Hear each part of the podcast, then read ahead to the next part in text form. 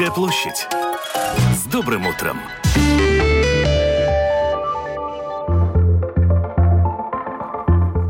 Доброе утро, друзья. У микрофона по-прежнему Елена Вихрова, оператор прямого эфира Уна Гулба, продюсер Людмила Вавинская. Мы вступаем во второй час эфира. Напомню, послушать его можно в повторе в 6 часов вечера.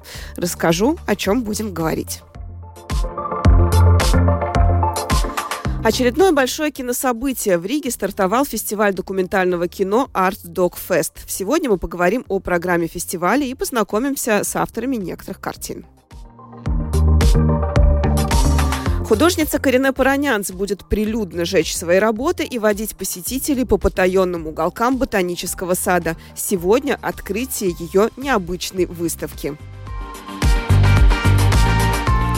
Отправимся в Африку, в Кенийскую пустыню и узнаем, как обстоят дела со строительством школы для детей из местных племен. Блогер Лидия Нижникова возводит там храм знаний на пожертвования латвийцев. Ну а прямо сейчас я приглашаю вас подтянуть латышский. Подтяни латышский Сынесе Розы. Bēgt vai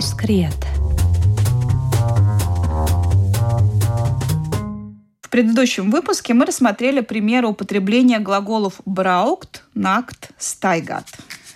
Nācis klajā kārtējais raidījums. Вышла очередная передача. Un kas pirmais brauc, tas pirmais маль. Те слушатели, которые уже с нами, первыми узнают что-то новое.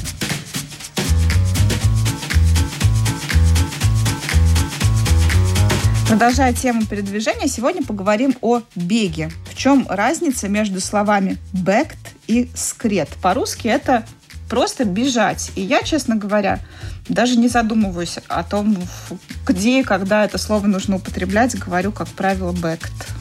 А, да, но только если э, вы говорите «эс бегу», э, то это значит, что вы убегаете от чего-то в прямом смысле, например, от опасности, или в переносном, от ответственности. «Эс бегу но суня» – я убегаю от собаки.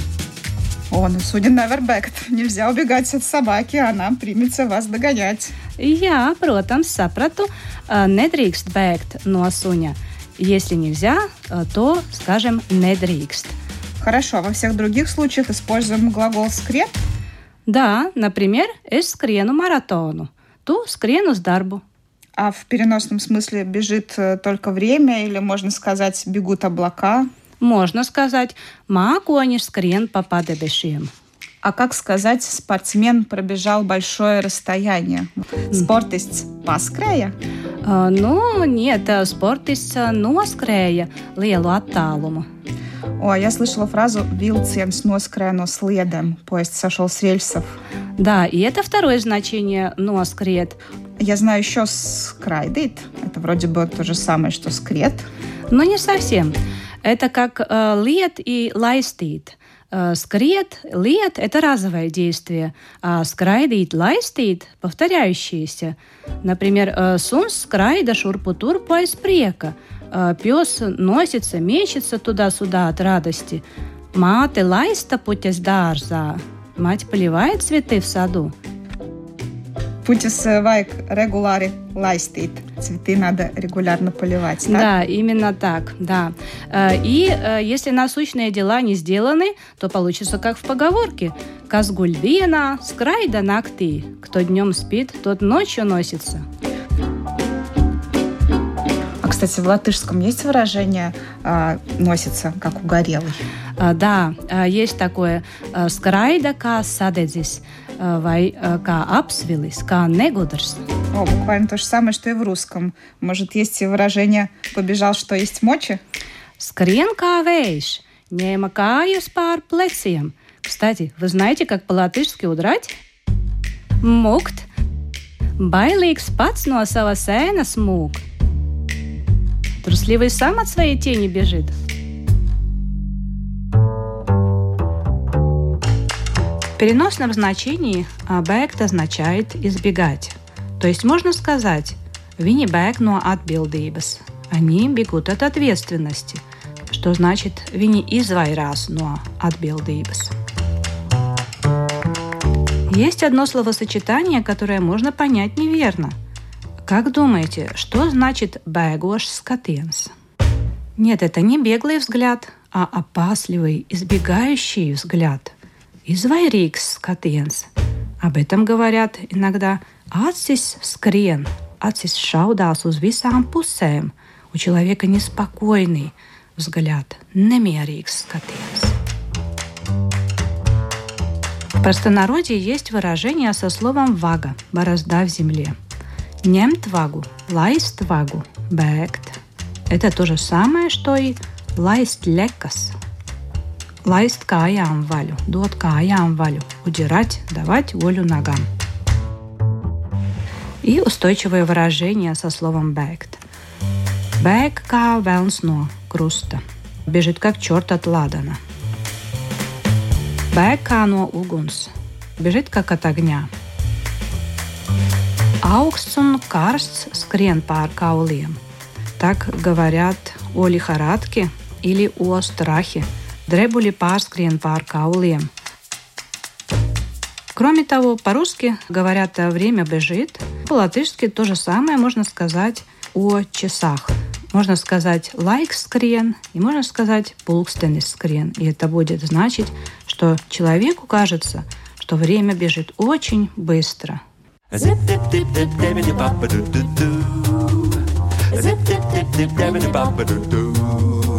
Paldies, Инесса. Лайкс paskrēja, как viens mirklis. Время пробежало, как мгновение.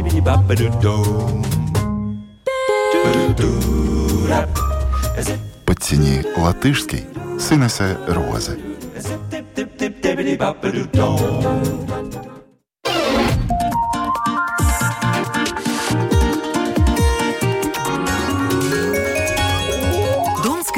Площадь.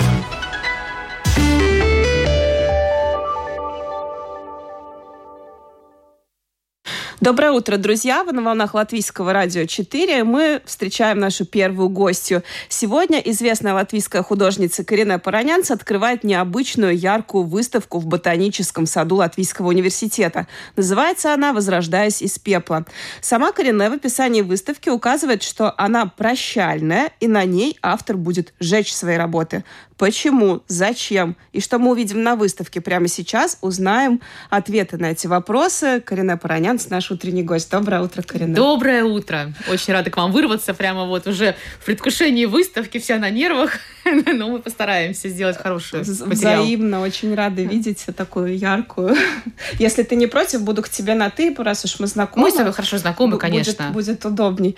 Почему выставка организована в ботаническом саду? Не очень такой стандартный стандартное выставочное пространство? Ну, вообще для меня оно стало уже практически традиционным. А, во-первых, у меня очень такое уже долголетнее, многолетнее сотрудничество с садом. А, уже два года там находится моя мастерская, которая там оказалась совершенно случайно, как-то вот, хотя все случайно, как мы знаем, жизнь не случайно, меня туда привела пандемия, и я очень часто там тоже приезжала на какие-то пленеры, и просто поняла, что это вот такое мое место силы, потому что действительно придумать что-то более живописное, еще тем более в моем случае, когда действительно сходится то, что важно важно очень для моего творчества, то есть это исторический контекст, старинное поместье, это опять же ботаника, потому что я очень люблю темы вот эти крупноформатные такие биологические формы, а, ботанические фантазии и так далее. И плюс, конечно, люди, люди, которые совершенно соответствуют моей жизненной, скажем так, философии. Мне очень нравятся люди, которые делают что-то вот физически своими руками, и в данном случае это настолько созидательно, что вот есть эта маленькая семечко, за которым человек вот ухаживает, выращивает, и это, как правило, может быть такое что-то, что требует требует даже, может быть, годы труда, и потом ты видишь, да, вот выросло растение, вот выросло дерево. И особенно, мне кажется, в наше время, когда вот мы очень много уходим в такое деструктивное, такое дигитально-нереальное пространство, мне кажется, вот эта вот э, простота воздух, пейзаж, природа, люди, которые что-то умеют делать действительно сами практично, это на самом деле очень круто. И мне кажется, если бы все мыслили в таком ключе, наверное, вот не было бы даже войны, если вот так вот широко посмотреть, потому что, ну реально, что может быть лучше, чем воздух, природа, и насколько это вот сложно сохранить на самом деле, да, это такие простые вещи, и насколько все это можно просто вот в один момент э, испортить просто нажатием кнопки при наших современных технологиях. Я вот об этом очень часто думаю. И по поводу того, что это традиционное для меня место, да, это уже на самом деле, наверное, какая-то четвертая, пятая выставка. Вот прошлый год мы делали заземление, и прошлый год мы открывали подземный круглый погреб. Тоже это было очень-очень интересно для зрителей, потому что не все знали, что там есть такое необычное пространство. Это а, тоже будет необычно необычная выставка. Это тоже будет необычная. тоже мы сможем увидеть какие-то тайные уголки. Да, и вот в этот раз мне захотелось открыть такой, знаете, он выглядит очень неприглядный и просто, но я его назвала такой водяной домик. Может быть, кто бывает часто в саду, его часто замечали, а, но многие его на самом деле в летний сезон вообще не видят, потому что это действительно такой маленький-маленький, буквально, я не знаю, там 5 на 5, 10 на 10 такой домик, весь заросший диким виноградом. То есть он совершенно незаметен летом на зеленом фоне. И он такой выглядит как такой вот сказочный домик каких-то гномов. А по дороге в э, пальмовый по, дом? Да, совершенно да, верно, по дороге его. в пальмовый дом, да. по левую руку. И он такой очень загадочный. загадочный и мне все время было интересно, думаю, ну вот для чего его построили? Оказалось, что его построили позже. То есть это не времена самого поместья, это уже советские времена. И когда-то там действительно была вот эта сукню-стация, э, водонапорная станция, станция, которая снабжала сад водой. И так получилось, что когда я подняла этот вопрос, никто из новых работников вообще ничего об этом не знал. И мы буквально в саду провели такое как мини расследование, можно сказать, такой pētnieciskais darbs у нас был. То есть я там такой, знаете, подняла всех-всех-всех из таких вот старожилов, кто там работал. И в итоге по крупицам, по крупицам мы собрали вот эту общую историю. Оказывается, раньше между этим домиком и пальмовым домом был даже целый бассейн, который наполнялся водой. Потом часть воды, оказывается, уходила вот в этот вот пруд, который там есть. Угу. Часть воды, оказывается, утекала в Зунду. И там вообще такая очень интересная история. Мы все это, кстати говоря, подняли. Нашли невероятный еще фильетон, такой, можно сказать, юмореску из жизни. Оказывается, в те времена тоже были ужасные проблемы со строителями и строительством. Очень был, оказывается, страшный скандал. И вот легендарный директор сада Рихард Кондратович очень долго пытался, с, два года там с мастерами выяснял, одни пропали, другие появились. В общем, боролся за этот домик в течение нескольких лет, и там буквально вот такая история в Ригас Балс мы нашли. Ну вот просто как будто вот юмореска такая. Вот ты читаешь и даже не веришь, что такое может в жизни быть. И мы решили сделать такой, как э, информацию про этот домик. То есть у нас будет отдельная история, отдельно наука и отдельно максло, искусство. И вот в эту историю мы как раз вплели все, что нам удалось по кусочкам собрать, и плюс вот этот вот прямо распечатка этого Ригас Балс, где ты просто читаешь и думаешь, о боже. Туда можно будет зайти. И можно будет туда зайти. Мы там все почистили, все убрали. Так что мне очень нравится так облагораживать места ботанического сада. Да, он был такой очень заброшенный, то есть никто не пользовался. Там были какие-то такие, знаете, какие-то то ли отходы, то ли какие-то строительные вещи, mm-hmm. то есть такие совершенно непонятные. Мы его почистили, привели в порядок, и там будет очень жизнеутверждающая инсталляция внутри. Тоже абсолютно простая. Корни, ростки, ветки, все, что может вот в воде прорасти и развиваться. И очень здорово, что мне вот в этом создании этой инсталляции помогла наш агроном Кристина Таупмане. Она же, кстати, мама бабочек. Вот тот самый человек, благодаря которому у нас каждый год 8 марта открывается тропу мая, таурани мая. Это вот все руки вот этой Кристины. Вот эти вот прекрасные рыбки, которые мы все знаем, золотые плавают у нас там в пруду, и бабочки, которые вылупляются именно на 8 марта. И вот она же мне наколдовала с этой инсталляцией. Очень будет интересно. Будет вот все вот эти вот такие самые-самые-самые весенние, весенние растения, и все это будет в течение выставки развиваться и прорастать. И более того, некоторые из картин, которые выставлены в основном пространстве, вот этот светку пасакум, пасакум телпашчунис, в сарайчике нашем, так называемом, э, да, некоторых картин будет стоять такая табличка э, гермитатио. Это а, такое явление, когда семя переходит в активную стадию и начинает образовываться цветок, растение и так далее. В общем, часть работ будут также во время выставки прорастать новыми формами. То есть я буду там на месте работать, и вот какая-то часть работ, как бы там уже семя брошено, но они еще расцветут. То есть основная экспозиция будет э, в сарае? А, сарайчик это такая, скажем, будет большая экспозиция, а в водном домике всего одна картина, но она, пожалуй, такая вот пункт над «и». То есть, в принципе, скажем так, основной акцент и такая основная сила все-таки водный домик. Там такая одна картина, в которой мне удалось создать, сказать все. Она такая тоже очень мощная. И опять вот как эта выставка Зема, заземление, тоже очень обыграли эту тему алтаря. То есть она такая одна центральная, вот тема воды, опять эта форма креста. И вот ты как бы заходишь, вот да, природа, храм, и вот как бы погружаешься в эту атмосферу, вот эти ростки вокруг, mm-hmm. и очень красиво вот э, Шри Алекс, музыкант, с которым мы сотрудничали тоже до этого на других проектах, сделал такую специальную композицию, тоже там шум воды, шум сада, и вот такая вот медитативное получилось пространство, да. С водой понятно, перейдем к огню. Что ты собираешься сжечь? Как ну, сказано в пресс-релизе. Вообще, на самом деле, как э, сказал мой профессор, очень хорошо, когда художник сжигает свой вчерашний день, но я решила это сделать в абсолютно таком буквальном смысле. Кстати, очень хорошо совпало. Как раз сейчас весна, масленица, и, в общем-то, надо от всего старого избавиться и пойти на какой-то новый уровень.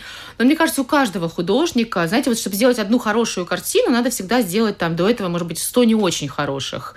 И вот э, очень часто, например, люди не понимают, вот почему такая простая работа там стоит столько денег. И ты не можешь объяснить человеку, что вот за этой простой вот плоскостью холста стоит, может быть, там, не знаю, 100 экспериментов художника и, может быть, лет 20 его работы, и поэтому эта работа не может стоить копейки.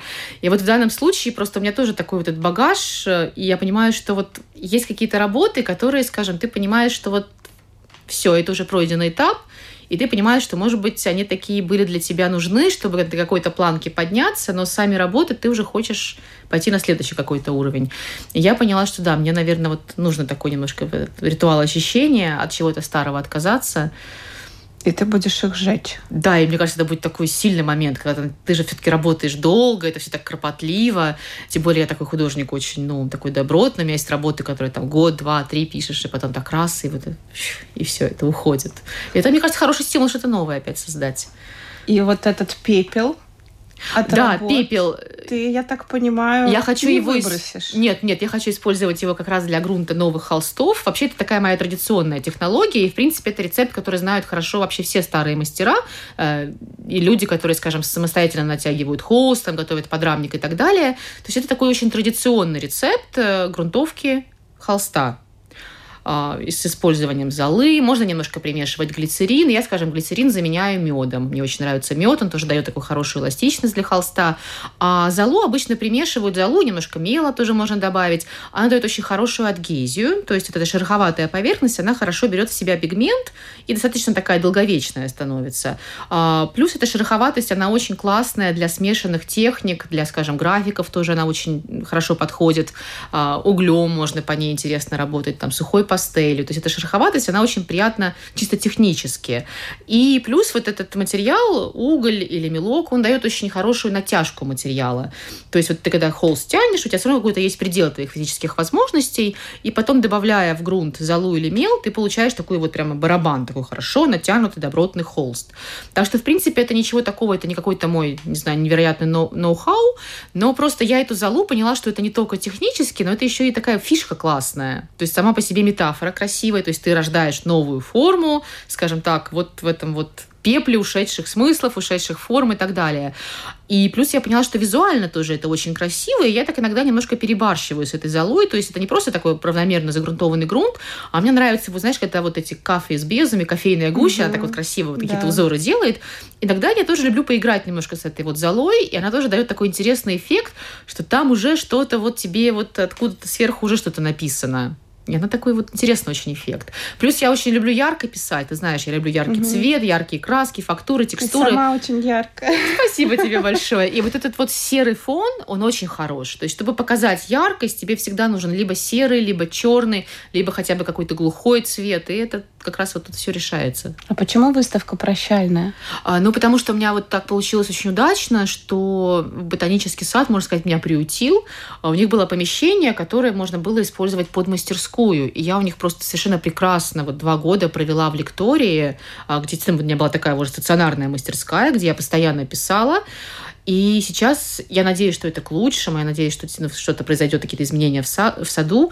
А, эти помещения уходят на реновацию. Mm. Поместье нужно спасать, потому что история, это же такая вот, ну, там очень интересная история в саду, и там такие артефакты, и с периода именно поместья, из советского тоже времени. Вот, скажем, когда ко мне в лектории заходишь, тоже так интересно, старинная табличка лекторий Латвийского угу. университета. Потом проходишь дальше, табличка кабинет профессора Рихарда Кондратовича. Ну, такой все-таки легендарный человек, да. который вот эти все красивые сорта азалий, э, рододендры, это дендроны, наверное. Рододендроны. Рододендры, наверное. В общем, нету тут ботаников, чтобы там помочь. Да, и вот настолько это все вот смешалось, и так это все интересно. И даже в одной из серий, я вот очень люблю эту историю рассказывать, очень старых серий Джеймса Бонда, а, Джеймс Бонд заходит в какой-то бар, выпивает водку и говорит, классно, но не такая классная, как в поместье Волфшмидта. А, потому что это же очень легендарное поместье Волфшмидта, он же один из э, как раз э, предпринимателей, которому принадлежала алкогольная фабрика, которая вот как раз э, вилла фон Стритская, там это вот угу. индустриальная зона. Я так понимаю, что там раньше была как раз это вот спиртовая или алкогольная какая-то там промышленная зона, которая как раз принадлежала этому вот Волфшмидту. Я так понимаю, что вот эта территория ботанического сада, это такая была больше как летняя резиденция. У нас, кстати, если я вдруг что-то не точно рассказала про Волфшмидт или про само поместье, а у нас сегодня еще задумана прекрасная экскурсия, такой, скажем, небольшой подарок от меня посетителям, а когда уже у нас случится ритуал открытия выставки, ритуал сожжения прошлого, мы все зайдем очиститься в водный домик и прочувствовать эту стихию воды, а, будет такая небольшая экскурсия, а, которую проведет наш специалист по связям с, с общественностью. То есть такая не, не сложная ни для биологов, ни для ботаников, ни для историков, а для обычных посетителей. Немножко просто расскажет да, об истории сада, что в каком году, какие есть коллекции растений, с кем мы сотрудничаем и так далее.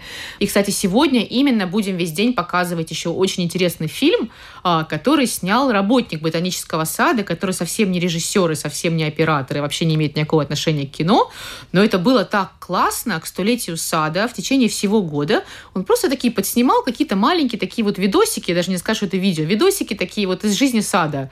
Какие-то шутливые моменты, там кто-то какую-то грядку там полит, кто-то там какие-то ножницы где-то потерял. И потом он это смонтировал в такой вот фильм, и там так классно. Во-первых, ты видишь, как вот эти сезоны меняются, там осень, зима, лето, весна, вообще такие разные картинки.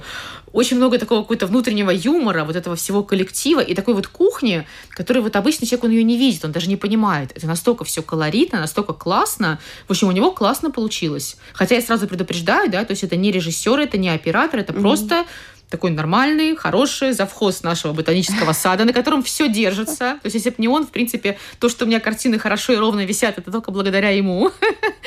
Да, да вот он снял отличный просто фильм. И классно его смонтировал. Вообще звучит так, что сегодня мы ботанический сад вообще с нового ракурса увидим, и это очень э, увлекает, и да, хочется, хочется прийти, так что, друзья, не пропустите в эту субботу. Открывается И две недели. Выставка две недели Карина Пронянц. Да, да, если сегодня не успеваете, приходите в любой другой день. Мне кажется, что это отличный момент, чтобы начать весну. Да, вот я очень люблю вот эту вот раннюю весну, когда еще нет такого, что все уже проснулось, уже буйство, а вот только-только-только это предвкушение. Вот сейчас как раз самый кайфовый момент, чтобы поймать это вот такое предвкушение. Вот эти вот первые гиацинты немножко уже начинают вылезать. Уже, кстати говоря, везде вот эти классные такие подснежники, крокусы. Ну, уже, уже есть что посмотреть. Да, уже Отлично. классно. Спасибо большое.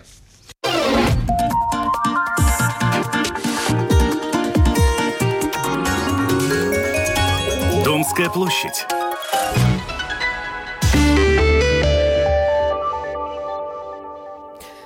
Девять часов 29 минут, и мы продолжаем наш эфир. Прямо сейчас отправимся в Африку, друзья. Напомню, латвийский блогер Лидия Нижникова строит школу в Кенийской пустыне. Строит ее на пожертвования нас с вами, латвийцев. А мы следим за этим процессом и периодически звоним Лиде прямо в африканскую пустыню. Алло. Привет. Привет. Мы с тобой не слышались целых две недели. Что за это время произошло у вас? Ой, здесь э, на самом деле один день э, проживается как три. Вот, поэтому произошло, произошло на самом деле очень много. У нас большой прогресс в обучении. Мы поменяли несколько учителей. Мы работаем сейчас, мы, я, в детском доме по вечерам. Я беру сейчас вторые смены. Вот, поэтому, конечно, а, большой-большой прогресс. Школа остался последний этап поставить крышу.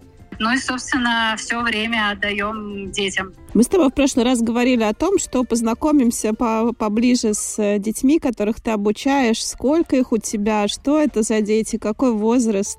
А у нас сейчас уже вот а, в школе, временной школе, да, которая у нас из Соломы, и у нас она недавно тут потерпела крушение из-за сильной бури. Вот, а, тоже был интересный такой опыт. У нас сейчас 100 учеников, вот, начинали с 50, в итоге э, присоединяются детки, но нас там мы должны сейчас остановиться. Это дети от, э, от 4 до 12, но это дети, которые никогда не держали там в руках ручку, да, они не умеют э, считать, они не умеют писать цифру один, теперь умеют. Ну, то есть нужно понимать, что это действительно первая школа, и для них это все в новинку, и просто даже натренировать мышцы кисти, руки, чтобы держать что-то, лепить что-то и рисовать, это то, над чем в целом мы сейчас работаем. Но сейчас уже усложняем программу и уже давим там на изучение языков и математики. Ты сказала, что ты стала работать еще в детском доме. Там есть детский дом? Э, здесь э, вообще так, таковых детских домов нет, да, то есть как у нас, да, что это учреждение и детский дом. Это э, мужчина, женщина, муж с женой, местные кеницы, которые установили 50 детей, создали вот такой вот детский дом у себя на территории, у них э, работает вся семья, братья, сестры, да, приехали со своих там городов, кто-то приехал уже из Найроби, это довольно прогрессивный город, и э, они себя отдают вот такому ну, назовем это служению людям. И у них детки абсолютно с разных территорий. И это все э, началось э, как бы не запланировано, да, то есть э, одна семья, там, родители умерли, они взяли деток 10 детей себе, и вот так это, в общем, все началось. И это совсем другие дети. Это дети улиц, это дети со сложными судьбами, со сложными характерами, и порой они жестокие, порой они очень любящие, и там тоже определенный свой подход. И по вечерам я приезжаю к ним, мы тоже устраиваем какие-то стафеты, какие-то творческие кружки. Вот, так что, э, да, вторая смена у меня теперь есть. Получается, что ты отдаешь, отдаешь детям, где ты сама черпаешь энергию. Я как раз недавно думала о том, что кто у кого тут еще учится, да, потому что определенно я учусь э, гораздо, мне кажется, больше от них, нежели они от меня, потому что э, так радоваться, как они радуются, так любить, как они, э, мы уже разучились.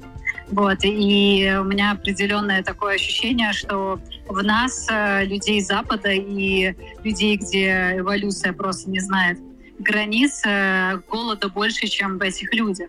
И видя своего ребенка, который абсолютно счастлив, любим, принят, о нем заботится, он о них заботится. И наверное, вот тут я черпаю просто огромнейшее вдохновение. Я не знаю даже, ну просто это какое-то... Ну тут тяжело остановиться просто, потому что отдача, она вот прям равномерная. Мне кажется, я получаю даже больше, чем отдаю. А сын как себя чувствует? Сын у меня маленький африканец, мы, конечно, ожидали. Э, с мамой моей шутили, что он поедет к своим, но наши шутки оказались не шутками, и он реально приехал к своим, и все в нашей пустынной деревушке, местные жители его просто обожают, все время смеются, когда видят его, потому что он точно такой же, как и они, просто белый. Такой же чумазый, он встает в 6 утра, я еще там еле глаза открываю, он уже бежит с ними играть, потому что они рано встают, и потом я его вечером загоняю домой. Вот. Ну, плюс он делает уроки, конечно, пока мы учимся, он делает свою школу, потом прибегает ко мне. Он мне очень помогает. Вообще он мне на самом деле очень выручает во многих моментах. И у него есть свои обязанности новые, например, стирать свои трусы перед сном, вот, стирать свои вещи, э, что нужно проснуться. Ну, сначала погуляет, потом вернется, и нужно обязательно подвести дом после насекомых и после песка, который навивается в комнату после вот сейчас песчаных бурь. Поэтому у него абсолютно другая жизнь, и ни разу я не увидела в нем а, чего-то, чтобы его не устраивало. Ехать домой он не хочет, вот, а, и, собственно, готов жить там в этой жаре и ходить в туалет полкилометра, его вообще, в общем, ничего не смущает. Как долго вы планируете там оставаться? Нам бы осталось, на самом деле, совсем недолго, буквально неделя. Вот, и поэтому сейчас у нас прям очень-очень активный режим, очень много что еще хочется успеть. И, и в то же время я понимаю, что уже много что не успеваю сделать. Но э, я уже купила билеты обратно. И 28 мая мы с Егором, наверное, даже на целое лето поедем полностью поднимать уже эту школу, потому что ученики уже будут в классах. Вот, э, и э, меня очень поддерживает аудитория. Может, кто-то меня сейчас слышит из тех людей, которые меня поддерживают. Я хочу сказать большое спасибо, потому что я собрала полностью сумму на парты и уже практически закрыла сумму на еду. Вот, поэтому школа наша будет расти, и, и мы вместе с ней слышат и пишут, очень много получаем э, писем, люди интересуются, как-то там пишут очень приятные э, комментарии, шлют приветы. Получается, что на следующей неделе мы с тобой связываемся не последний, но крайний раз. Спасибо да. тебе большое и до связи через неделю. Спасибо, всем пока.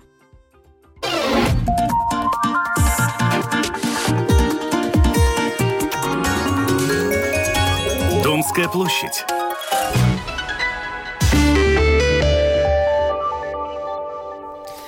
Мы возвращаемся в студию Латвийского радио 4, в которой уже появились новые гости. Говорить далее будем о кино. Вчера премьерой документального фильма «Поднекс» о Поднексе был открыт фестиваль документального кино Art Dog Fest. На протяжении всей недели на двух площадках зрители смогут увидеть огромное количество самых разных документальных картин из самых разных стран. Мы попробуем немного сориентироваться в этом разнообразии, и в этом мне помогут э, наши гости. Я рада приветствовать редактора портала artdogfest.com Юлю Барановскую. Доброе утро. Доброе утро. И режиссеры, а, участники конкурсной программы у нас в гостях Виталий Акимов. Здравствуйте. И Марианна Кат. Доброе утро. Как впечатление от открытия вчера состоялось премьерой э, показа фильма «Поднекс о Поднексе», открытие фестиваля? Какие у вас эмоции? Можно сказать, с корабля на бал? Ну, круто, круто было. Во-первых, э, сам зал, начнем со Splendid э, э, Palace. Э, это огромный же зал, он был полностью забит. Там люди, которые опаздывали, уже с трудом находили себе места. Фильм длинный, тяжелый, но совершенно эпохальный, я бы так сказала, потому что авторам удалось собрать совершенно неимоверное количество материала, Э, архивного. Даже удивительно, что вот это было все снято. Такое ощущение, что они сами ходили с камерой и вот для этого будущего фильма все снимали. Хотя это, конечно, не так. По крупицам собирался этот материал. Очень сильное впечатление, потому что исторически это очень интересно. Во-первых, тем, кто принимал участие в этих э, событиях или был рядом с этими событиями, как-то вспомнить, потому что многое забывается же, и увидеть саму личность э, Поднекса в таком объеме и в личной личной жизни и то, что он делал, как, как, какая заслуга у него перед вообще перед Отечеством, скажем так, не побоюсь этого большого слова.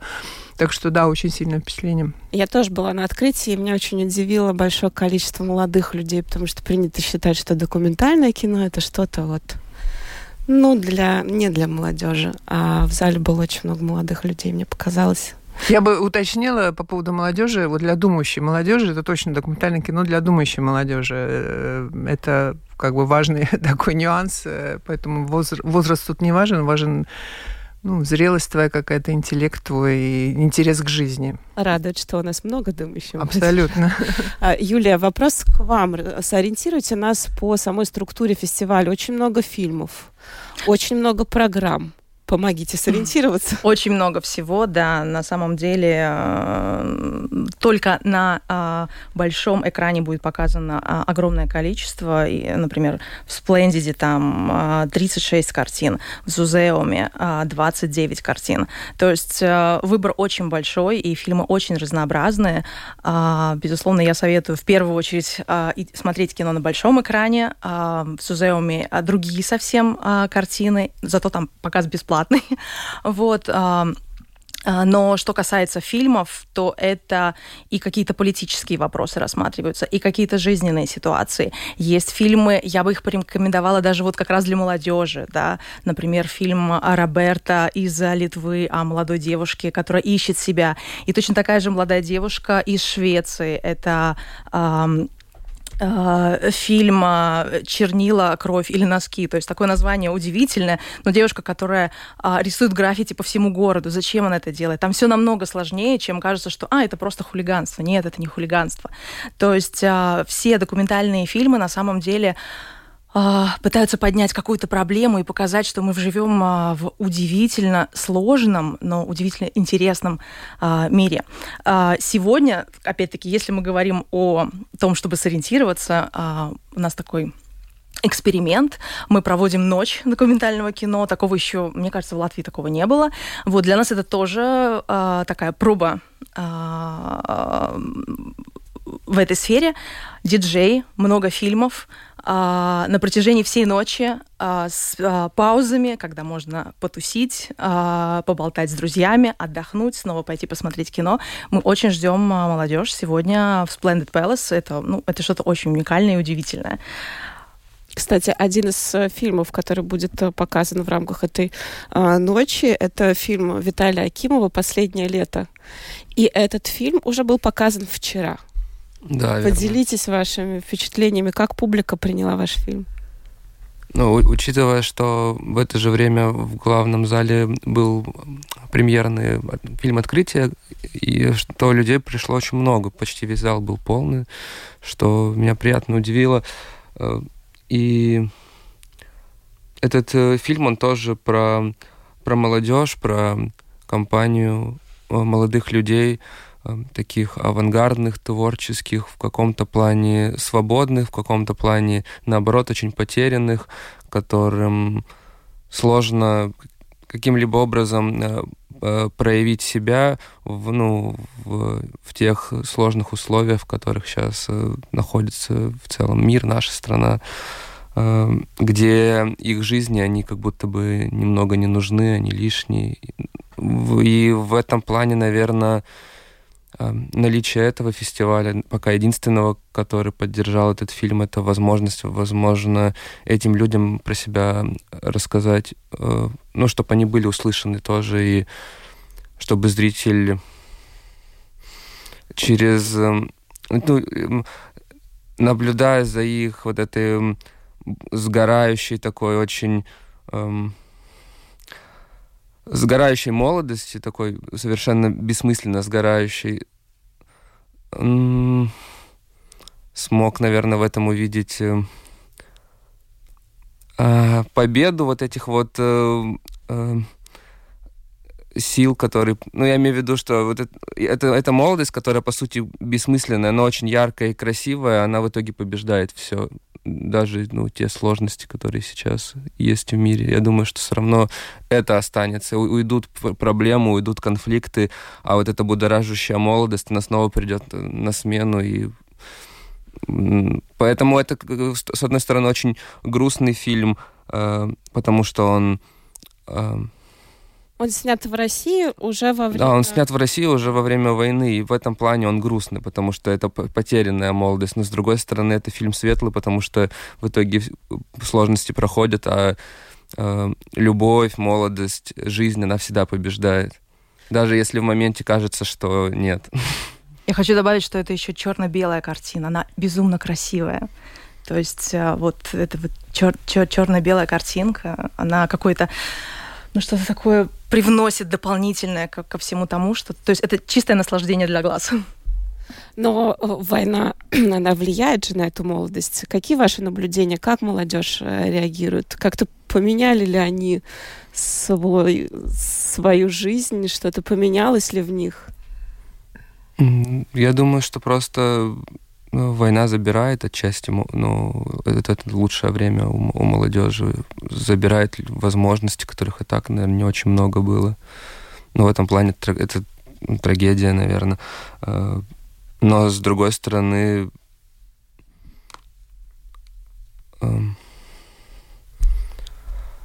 все равно настолько как бы сильная эта энергия молодости, что оно а, а, а, а, это находит проявление в каких-то э, нелегальных комьюнити, в, в, в том, что творческая жизнь уходит в какое-то подполье, как, собственно, было в 90-е, как сейчас происходит. И, И так как вот фильм снят в черно-белом такой, в черно-белой такой немного безвременной стилистике, э, иногда стирается э, понимание, когда это вообще происходит. Может быть, мы вообще смотрим фильм про 90-е, когда были другие войны, а про, про социальные проблемы, они, по сути, были теми, такими же.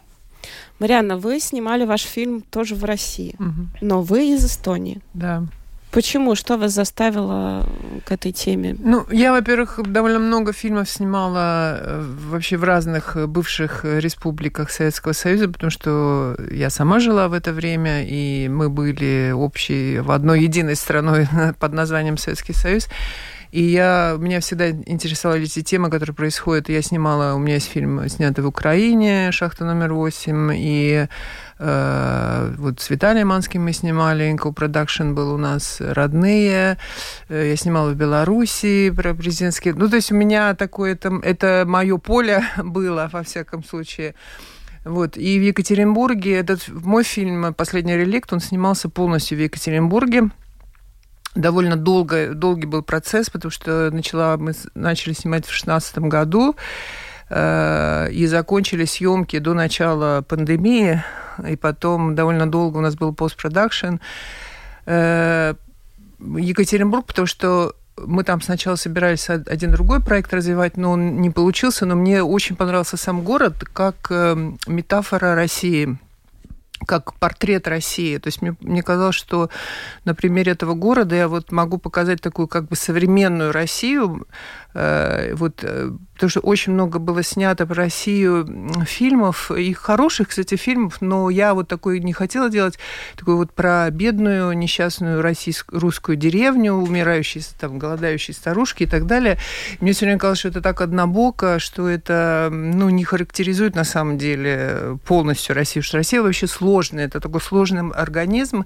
И я, собственно, начала этот фильм снимать именно вот э, попытаться показать вот эти слои, которые там существуют одновременно, э, как говорил великий русский поэт, э, «Рос- умом Россию не понять. Вот это примерно то же самое. То есть умом понять невозможно, но я хотел показать. Э, И у меня получилось так, что в итоге главными героями стали группа людей, которые пытаются что-то изменить в политической жизни. Да, оппозиционеры. И, то есть мы отслеживали их вот несколько лет, и то есть, ну, это такие э, очень симпатичные, э, чистые духом, скажем так, люди, но э, ну, мне, например, было понятно, что то, ту, ту цель, которую они перед собой поставили, что ее достигнуть совершенно невозможно. В принципе, мне было это понятно с самого начала, но мне было интересно вот просто, что при этом происходит с ними и что происходит с обществом. И у меня в фильме много слоев, скажем так, мы снимали очень многих местах, где у, нас, у меня там и церковь есть, и суды, и кадетские корпуса, и школы, дети, парады и так далее, и так далее. То есть это вот э, на фоне этого вот эта небольшая группа людей пытается что-то что-то изменить. Вот э, примерно так. И какие вы выводы сделали из увиденного? Вы знаете, вот я вообще люблю кино со светлым началом. И мне очень нравится то, что Виталий говорит, э, говорит про свой фильм, что я тоже абсолютно уверена, что вот эта молодая энергия, она в любом случае победит, но таков закон жизни. Но у меня с этим фильмом так получилось, что, в общем, я как бы не видела пока, не видела выхода из всей этой ситуации. И поэтому у меня такой конец. Я знаю, что люди которые смотрят по- после просмотра, там, в общем, несколько такой шок у людей, потому что все, все понимают, что как-то непонятно, как дальше двигаться. Но я думаю, что э, Россия сейчас именно в этой ситуации. Э, Непонятно, как может закончиться эта война и, и что она вообще может еще принести вообще всему миру даже. Вот поэтому у меня э, конец такой малооптимистичный, скажем так, но при этом я знаю, что особенно может быть, на людей, которые как-то были связаны с Россией, э, на, на россиян самих и на, на людей, которые были связаны Россией, с Россией. Для меня это такое вот прощание с той самой Россией, которую мы, может быть, романтизировали и любили по-своему каждый. А, Это такой эмоциональный, эмоциональное, как бы сказать, эм, переживания, которые этот фильм, мне кажется, дает. То, что я знаю реакции, особенно для людей, которые, например, уехали из России в силу э, нынешней ситуации. Э, мне говорили, что ну, мужчины плачут даже в конце, потому что ну, для меня это вот такое некое прощение, очень сильное, с чем-то, с чем-то была очень долго связана, эмоционально была связана, любила это, и больше ее нет. Сложно ли было снимать в России? Ну, по-своему сложно и по-своему нет, потому что, в принципе, для документалиста главное, чтобы было интересно. Вот, интересно было всегда. Э, у нас были свои... Безусловно, надо сказать, что то, что мы снимали, сейчас было бы совершенно невозможно снять. Более того, в Екатеринбурге уже есть два случая ареста иностранцев. Нигде больше пока в России не, не арестовали. Именно в Екатеринбурге почему-то два, два случая уже вот. И, и, но у нас таких проблем, скажем так, не было. Меня, мы вообще мало чем рисковали на, в, то, в тот период. То есть у меня была основная проблема, что если нам, нас как-то захотят остановить и лишат, например, визы, то я не смогу закончить фильм. Вот это была моя основной, как бы, основная сложность. А так, э, в общем, многие очень удивляются, потому что мы, мы снимали и в судах, и даже один раз в тюрьму попали совершенно случайно, не ожидая, что, в общем, просто перед, за нами не закрыли, перед нами не закрыли двери, мы как-то вот вошли и, и стали снимать. То есть у нас очень много таких эксклюзивных мест, которые на самом деле ну, мало кто видел кроме самих участников. Э, плюс надо сказать, что у меня очень, у меня совершенно потрясающий оператор польский, Каспар Чубак. Мы фильм снимали в 4К, это значит, что это для большого экрана, как игровое кино. Э, то есть это там еще, мне кажется, наслаждение просто от самой картинки этого фильма. Вот если вы хотите окунуться как бы в эту ситуацию предвоенной России, то это то. Виталий, а вам было сложно снимать в России? Вы снимали уже во время войны? Ну, скорее для меня это эм, была возможность как-то, наверное, спрятаться от, вот, от, от темы войны вообще, потому что я никак не мог ее отрефлексировать, ответить себе вот на этот вопрос. Ну, потому что ты как документалист, наверное, в целом как человек, э, привыкший анализировать, э, должен себе на, это, ну, на, на, на этот вопрос как-то ответить. И я не мог ответить. Меня там к примеру, приглашали люди там военную, военные точки снимать, причем и со стороны Украины, и со стороны России, и чтобы принять это решение, ты, по, по сути, должен принять какую-то позицию, потому что сейчас влияет, с какой стороны ты заехал, чтобы на это все смотреть. По сути, если ты поедешь в военную точку снимать, ты с, с любой стороны увидишь одно и то же страдание, там трупы и все остальное. И но очень важно, вот, э, с, с, э, какой, какой пресс-бэджик у тебя будет. И э, это вынуждает тебя принимать позиции, как-то за ним, ну, и так далее.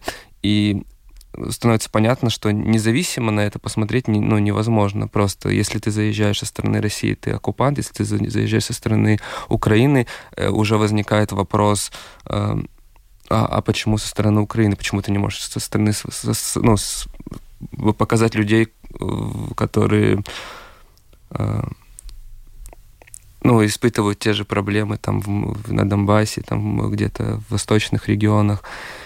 И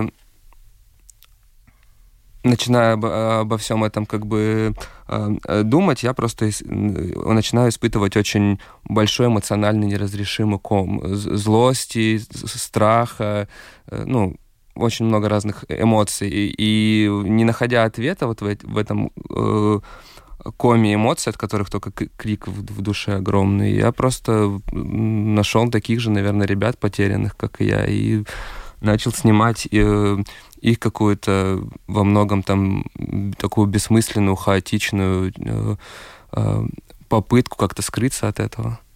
Как вам кажется, ваши фильмы э, помогут понять Россию умом? И почему мы здесь, в Латвии, в Эстонии, а, должны это посмотреть?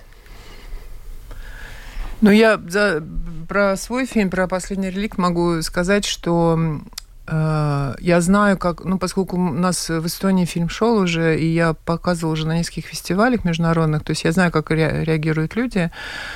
А, каждый находит что-то для себя. Кто-то что-то открывает по поводу России. А, Потому что у меня, например, посыл такой... Я, я, дело в том, что я сама же выросла в советское время. Я не была никогда никакой диссиденткой, да, и более того, э, как бы я помню, как на диссидентов несколько смотрели так с юмором, типа, потому что что они могут вообще делать. И вот имея этот опыт, я ни, никогда не скажу плохого слова про россиян, э, которых обвиняют в том, что они ничего не делают э, против этого режима. На самом деле, если ты живешь в, обще... в государстве, которым управляем, управляют криминальные просто силы, бандиты, э, довольно сложно требовать от людей, будучи самой в безопасной стране, требовать от людей чего-то такого, чего сама ты, в общем-то, вряд ли, может быть, и сделала. Вот, и мне хотелось как раз показать через мой фильм вот э, проследить вообще реально было что-то сделать или нет. Вот у меня есть реальные герои, которые действительно искренне пытались что-то изменить. И вот как система работает э, против них, да, что, что вообще система делает, чтобы эти люди ничего не смогли сделать, чтобы их просто заткнуть и все. А, у меня, собственно, конец идет вычищение всего, всего, что может быть против.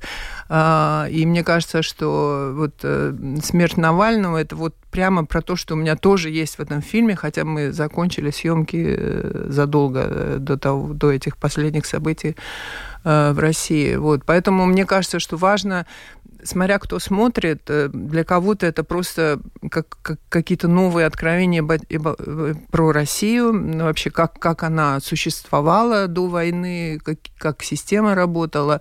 Для тех, кто, допустим, критически настроен, они открывают что-то, что там есть люди, которые действительно пытались что-то изменить, но это просто невозможно было. Вот поэтому каждый находит э, что-то для себя, мне кажется.